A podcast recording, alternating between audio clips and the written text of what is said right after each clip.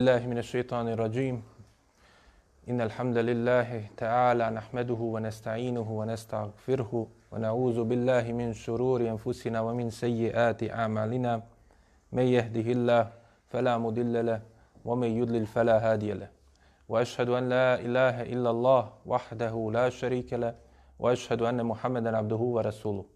أرسله الله تبارك وتعالى بالهدى ودين الحق ليظهره على الدين كله وكفى بالله شهيدا ثم أما بعد svaka zahvala pripada Allahu subhanahu wa ta'ala s njegovim imenom počinjemo njega slavimo i njega veličamo od njega pomoć tražimo njemu se utječemo od zla naših duša i naših loših dijela neka je najbolji salavat i selam na njegovog posljednjeg poslanika prvaka svih Ademovih potomaka Muhameda sallallahu alihi wasallam.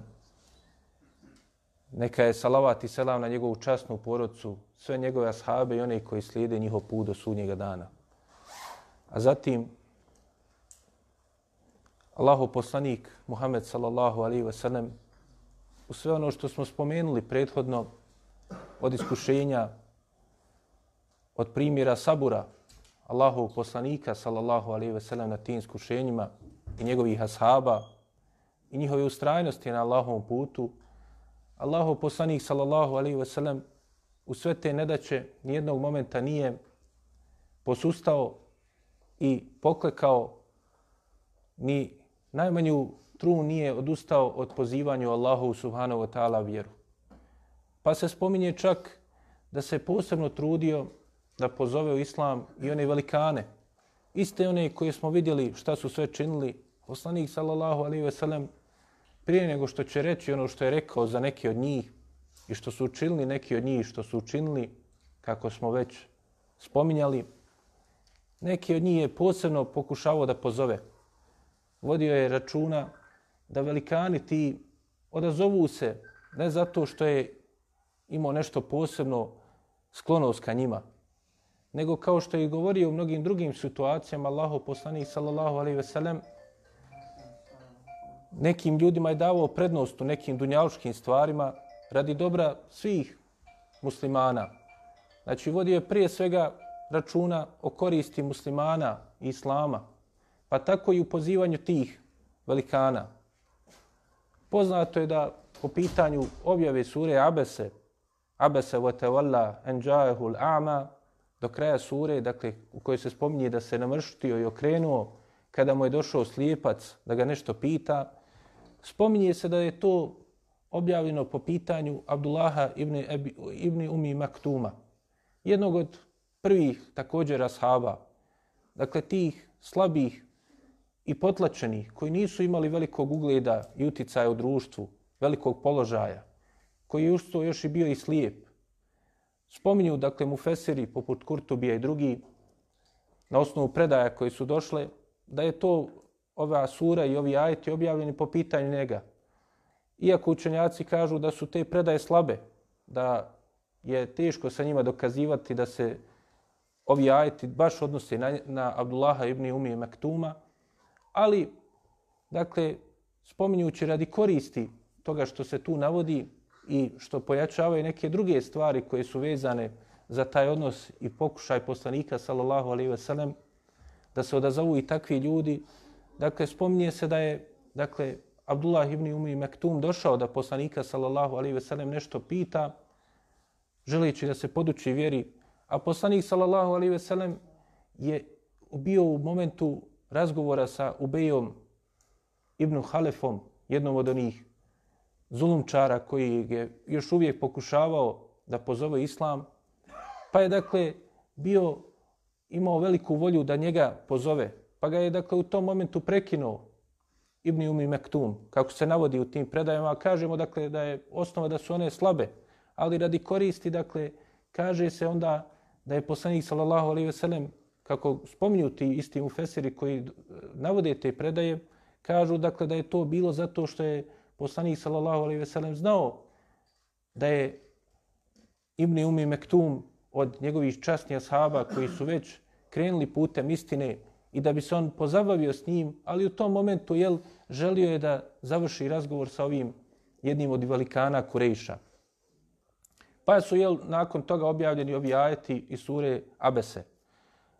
Također, jel, ono što potvrđuje to jeste da je Allahu poslanik sallallahu alejhi ve sellem kao što nam prenosi to Sa'd ibn Abi Waqas, dakle jedan od tih prvih ashaba Allahov poslanika sallallahu alejhi ve sellem i jedan od destorce kojim je obećan dženet junaka i prvaka koji će upravo u bici na Kadisiji u velikoj borbi doživiti svoju veliku slavu bici koja će biti odlučujuća i koja će razdvojiti istinu od laži i poraziti i, i uništiti nepravednu, nepravednu perzijsko carstvo, odlučujuća bitka koja je bila između muslimana i njih, je bila ta bitka na Kadisiji, dakle na području današnjeg Iraka, na jugu današnjeg Iraka.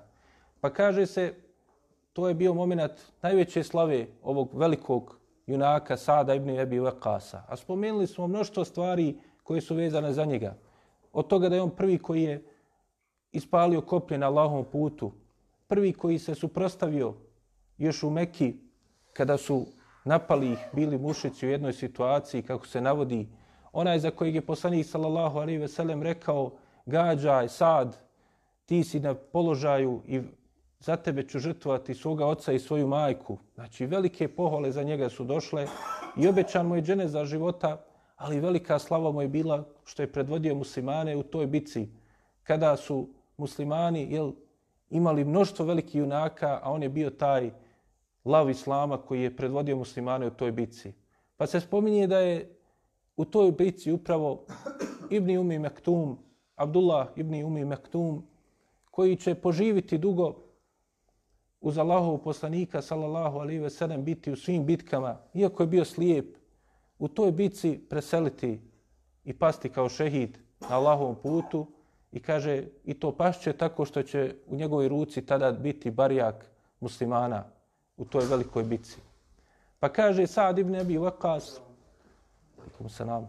kaže Sa'd, kaže, bili smo mala skupina oko poslanika, sallallahu alaihi wa sallam, kao što bilježi ima muslim u svom sahihu, jedan od hadisa o vrijednosti Sada, to što je bio jedan od tih prvih muslimana i bio u toj maloj skupini. Pa kaže, bilo nas je samo nekoliko. Sjedili bi uz poslanika, sallallahu alaihi ve sellem, ja, Abdullah ibn Mas'ud, dakle opet jedan od tih ashaba koje smo spominjali prošli put, velikana među ashabima, a da ne govorimo među umetom i čovečanstvom, također i Bilal i još neki ljudi kojima sam zaborio ime, u neki predajama došlo da je to bio Ebu Fuheire, također jedan od robova, u drugim da je to bio Habab, također je jedan od onih koji su bili potlačeni. Pa su Kurešije rekle poslaniku, sallallahu alaihi sellem: zašto, kaže, ne otiraš od sebe, kaže, ove koji nisu dostojni, misleći na njih. Nisu od velikana, nisu od velikih osoba, nemaju veliki ugled. Neki od njih su robovi. Pa poslanik, sallallahu alaihi wasallam, jel, nije mu bilo to lako. Kaže sad, kaže, Allah je dao da u njegovom, njegovim prsima bude ono što je bilo. To jest, da je osjetio nešto zbog toga. Pa je Allah uzvišen i objavio ajete u kojim učvršćuje poslanika sallallahu alaihi ve sellem i da vještava mu indirektno i šareti mu da nije baš sve tako kako izgleda. Jer kaže Allah, Allah uzvišen u tom ajetu وَلَا تَتْرُدِ الَّذِينَ يَدْعُونَ رَبَّهُمْ بِالْغَدَاتِ وَلَعْشِيِّ يُرِيدُونَ وَجْهَ Kaže, nemoj od sebe otjerivati te koji obožavaju Allaha uzvišenog, koji ga spominju i ujutru i naveče, želijeći njegovo lice. Pa je Allah uzvišeni u tom periodu također dao da je jedan od drugih velikana koji također nije bio možda u tom momentu velikan, ali je pripadao jednom važnom plemenu, plemenu Gifar. Ebu Zar el-Gifari primit će islam. Spominje se jel, u predajama i kod Buhari i kod muslima čitavo kazivanje o primanju islama Ebu Zara. Dakle, njegovo plemo je bilo u pustinji i oni su bili na važnoj ruti na kojoj su jel, se kretala karavane iz Mekke, Kurešijske, na putu za Šam. Pa je on dakle bio na jednoj važnoj ruti, na važnom mjestu, iako je pripadao pustinskom plemenu. Pa kada je on u svome životu prepoznao još i prije poslanstva Muhameda sallallahu alaihi ve sellem da je već to što se raširilo kod njih počelo da mu bude odvratno od širka i ostalih stvari, počelo je u njegovom srcu da se prepoznaje i da traži njegovo srce tevhid, ispoljavanje samo obožavanja Allaha uzvišenog, odbacivanje ti nevaljavština koje su bile proširene kod njih, onda je u tim momentima i u takvom njegovom razmišljanju došla do njega vijest, pošto je bio na tom putu i prolazile su te karavane, došla je vijest da je pojavio se Allahov poslanik, alikum salam, da se pojavio Allahov poslanik i da poziva u nešto slično. Pa on je imao svoga brata Uneisa, kojeg je odlučio da pošalje u Meku da čuje o čemu se tu radi. Također, treba napomenuti da je Ebu Zer, dakle, on je čuvao stada po pustinji, dakle, živio je nomadskim životom. Pa je njegov brat otišao i da čuje nešto o poslaniku, salallahu alaihi ve sellem, da upozna o čemu se radi. Pa je saznao, jel, da je Muhammed sallallahu alaihi ve sellem poziva u najbolji govor. Čuo je nešto od Kur'ana, da poziva u najljepše obhođenje, najljepši ahlak, najljepši edeb, također da poziva u najbolje stvari od tevhida i tako dalje. Pa također je čuo usto i šta kurešije pričaju, šta rade prema onima koji slijede Allahov poslanika Muhameda sallallahu alaihi ve sellem. Pa se vratio sa tim vijestima svome bratu, I kada je došao Ebu Zeru i rekao mu to što je čuo i vidio, Ebu Zeru je to probudilo želju da on sam ode. Kaže, rekao mu je, nisam, nisi zadovoljio moju potrebu s time što si me obavijestio. Želim ja da sam odem i da vidim o čemu se to radi. Šta je tu u stvari? Zašto ovi govori da je on i, laž, i lažac i sihrbaz i da je lud i tako dalje kao što znamo da su govorili o Allahovom poslaniku Muhammedu sallallahu alaihi wasallam a i da vidim, da upoznam i da čujem nešto od Kur'ana.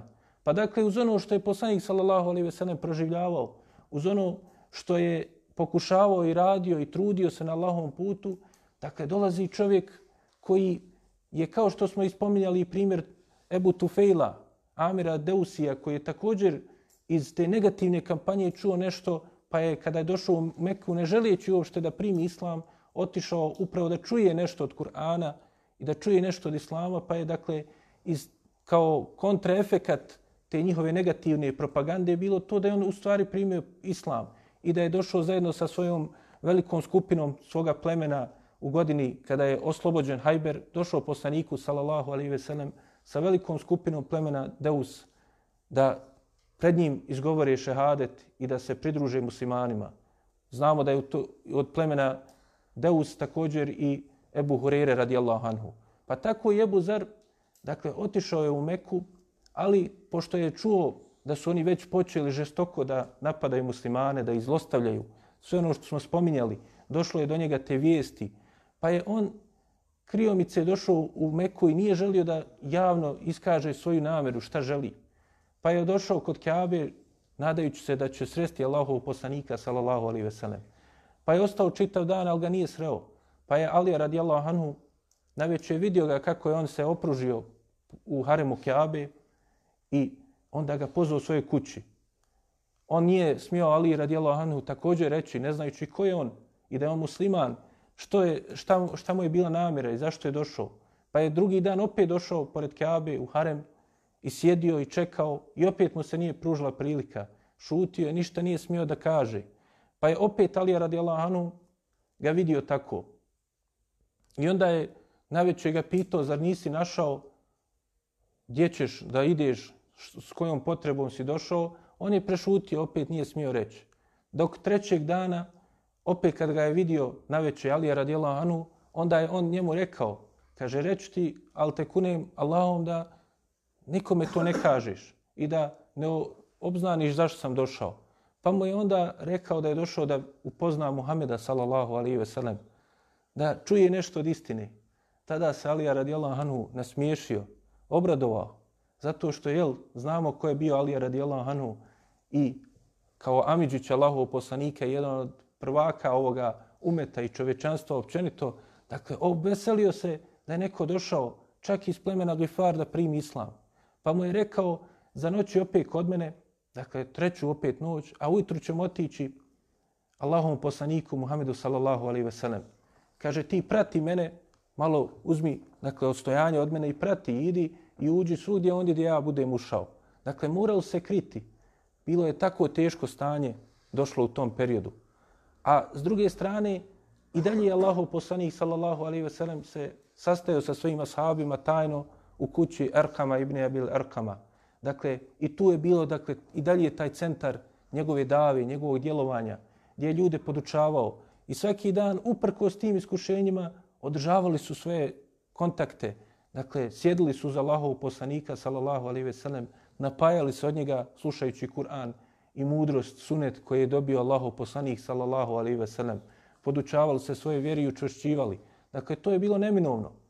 Nije bilo dovoljno ono malo što su čuli, eventualno, nego su stalno morali biti u kontaktu sa poslanikom, sallallahu alaihi ve sellem. Držati se uz njega, okupljati i da ih podučava Allahu poslanik, sallallahu alaihi ve sellem. Tako mora biti inače stanje jednog vjernika. Da stalno svoju vjeru očvršćuje i povećava svoje znanje i spoznaje Allahu subhanahu wa ta'ala.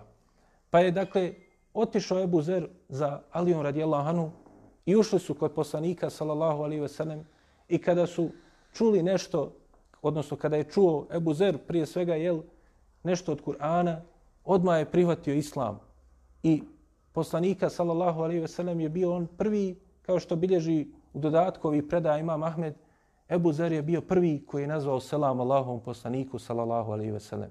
Jer kada je ušao, rekao mu je, Esselamu alaike, ja Rasulallah, neka je selam na tebe, u Allahu poslaniće. Pa mu je poslanik sallallahu alaihi ve sellem odgovorio, wa alaike selam wa rahmetullahi wa barakatuhu. Kao što je došlo nekim od predaja, nekim da je samo rekao, wa alaike selam wa rahmetullah.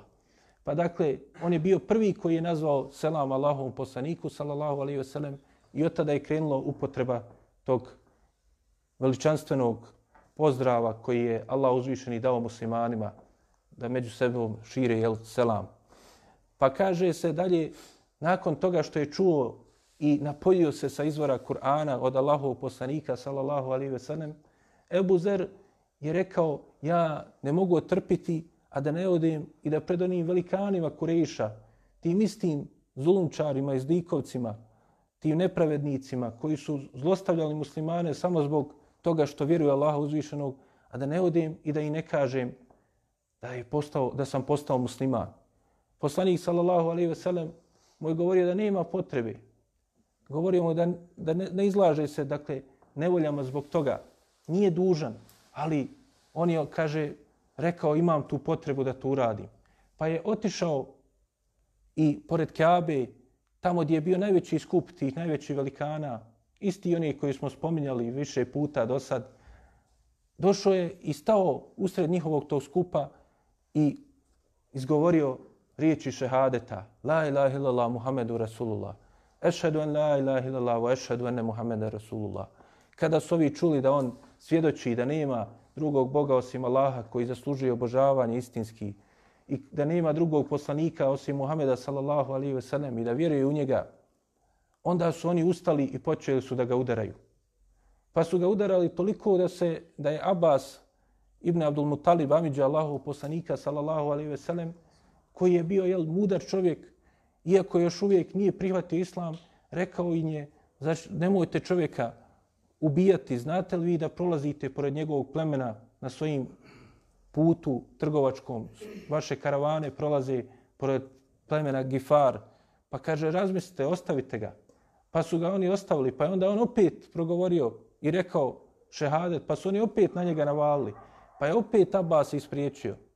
Nakon toga Ebu Zer se vratio Allahom poslaniku, sallallahu alaihi ve sellem, i poslanik, sallallahu alejhi ve sellem, ga upitao, zar si ipak to uradio? Pa kaže, imao sam potrebu u sebi, morao sam to da javno izgovorim pred njima. Nakon toga Allahov poslanik sallallahu alejhi ve sellem je Ebu Zeru rekao da se vrati u svoje pleme i da ih poziva u islam. I vidjet ćete kroz kazivanje o Ebu Zeru da je on proveo veliki period pozivajući prvo svoje ukućane, svoga brata, svoju majku, svoju porodicu i tako da se stvorila jedna skupina koji su primili islam. Drugi su bili skloni da prime islam, ali nisu željeli sve dok nije poslanik sallallahu alaihi ve sellem ojačao.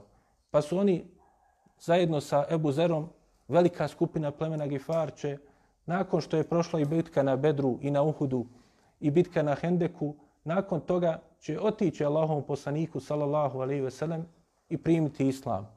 Ebu Zer će ostati onda do kraja života uz Allahov poslanika sallallahu alaihi ve sellem, a nakon toga sve do 32. godine po hijđi živjeće i mnoštvo je veliki koristi i veliki mudrosti života Ebu Zara Al-Gifarija. Ali to je ono što smo samo ovdje želi da, da spomenemo kako Allah uzvišeni mijenja stanje, kako Allah uzvišeni daje da se Allahova vjera pomogne sa raznih strana. Pa u svim tim iskušenjima, dakle, kada su se pojačala, vidjelo se da će biti teško muslimanima da nastave u Mekki. Allahov poslanik, sallallahu alaihi ve sellem, je razmišljao o metodama i kako da muslimanima olakša. Pa je onda predložio, nakon svih tih jel, iskušenja koja su prošla, predložit će jednoj skupini da pete godine po poslanstvu odu i učine hijđru u Abesiniju.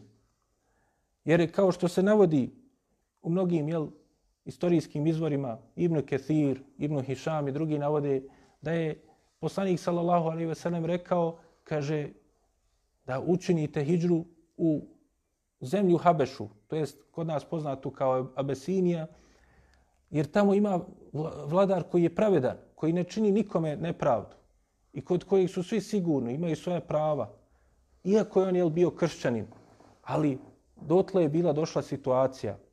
Dakle, ta zemlja Habeša, već smo spominjali jednog od vladara te zemlje, onog što je sa slonovima došao da sruši Keabu.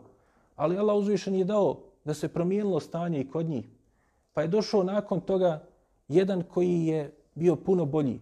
Neđaši je titula koju su nosili kao titula kralja kojeg su nosili vladari Habeše, Abesinije. Pa je u tom vremenu vladar bio Ashama ibn Ebruh. I on je bio pravedan čovjek. Dakle, nikome nije činio nepravdu. Dakle, taj Ashama ibn Ebhur dakle, je bio od kršćanskih dakle, ljudi koji su se čvrsto držali kršćanstva i držali se svoje vjere i pokušavali da budu pravedni. Pa se pročulo o njemu. A opet, s druge strane, Habeša je bilo mjesto u koje su također Mekelije išli u trgovinu, pa su bili upoznati sa tim mjestom. Pa je, dakle, Habeša bila logično mjesto da ode poslanikovi ashabi, da tamo se pobjegnu sa svojom vjerom. Dakle, kada se govori o Habešu, treba napomenuti, dakle, kod nas poznate kao Abesinija, da je to u stvari, dakle, latinizirani grčki izraz koji se koristi za taj naziv koji je poznat kao Habeša. Znači, prvo su izbacili slovo H, pa je bilo Abeša, pa je vremenom jel, postalo Abesinija. Ovaj, kažu učenjaci, kada se vraćaju na istorijski gdje se nalazilo to mjesto, kaže se da je to e, područje koje obuhvata današnju Eritreju i Etiopiju, dakle, odmah onaj područje iznad roga Afrike, dakle, obuhvatalo je, kažu, većinu teritorije Eritreje i Etiopije, dio današnjeg Sudana i dio Džibutija. Dakle, to su teritorije koje preko Crvenog mora se nalaze naspram Meke i ti područja zapadnog dijela arapskog poluotoka, gdje su Meka, Medina i ostala mjesta. Pa dakle, muslimani a, su otišli tamo, a dakle, Arapi su bili, imali trgovačke odnose sa njima. I ovi su bili poznati kod njih. I oni su poznavali također i Arape. Allahov poslanik, sallallahu alaihi ve sellem, kada je, jel, gledamo zašto su bili razlozi, zašto je moralo se učiniti hijđra, kažu učenjaci, jel, prije svega, zbog toga da se pobjegne sa Allahovom subhanahu wa ta'ala vjerom, da se nađe kao drugi razlog sigurno mjesto gdje će se moći boraviti muslimani, a i treći razlog da bi se širila dava i da bi se širio poziv islam i u drugim područjima. Pa su oni jel, pokušavali mušici da spriječe islam, a onda su s druge strane otvorili kao kontraefekat, iako to oni nisu htjeli, mjesta gdje će se ponovo širiti islam. I vidjet ćemo da je i taj Neđašija na kraju primio islam i neki od njegovog naroda kada dođemo do tih kazivanja. Ali ono što također treba spomenuti da u ovom periodu Allah uzvišeni objavljuje suru Kehf. Pominje se, dakle, kao što smo govorili, kao metoda koje su koristili mušici, bila je još od metoda da su ini, oni otišli, kao što bilježi ima Mahmed i drugi, da pitaju i jevreje koji su boravili u Medini, da pitaju neka pitanja, odnosno da, da traže od njih neka pitanja kojima će zbuniti Allahov poslanika, sallallahu alaihi ve sellem, zbog koji on će jel, posustati ili, kako su oni mislili, E, razotkriti svoju zabludu koju on poziva. Pa su oni rekli da ga pitaju o duši, da ga pitaju o stanovnicima pećine šta je bilo sa njima i da ga pitaju o Zulkarnejnu. Pa je poslaniku sallallahu alejhi ve sellem Allah dao da je objava počela dolaziti upravo u ovom periodu po pitanju tih stvari. U suri Isra koja je prije sure Kef se spominje po pitanju duše da je to stvar koja je od Allahovog znanja, a da je nama malo dato znanje da mi ne znamo jel, istinsku kakvoću duše i da to nije nešto što čime se trebamo da se mi brinemo. Tu spada u stvari gajba, nevidljivog svijeta koji, znači, vjerujemo onako kako su došle. Vjerujemo u postajanje duše i to nam je dovoljno. Ali u surih Kef je došlo kazivanje i o stanovnicima pećine i o Zulkarninu.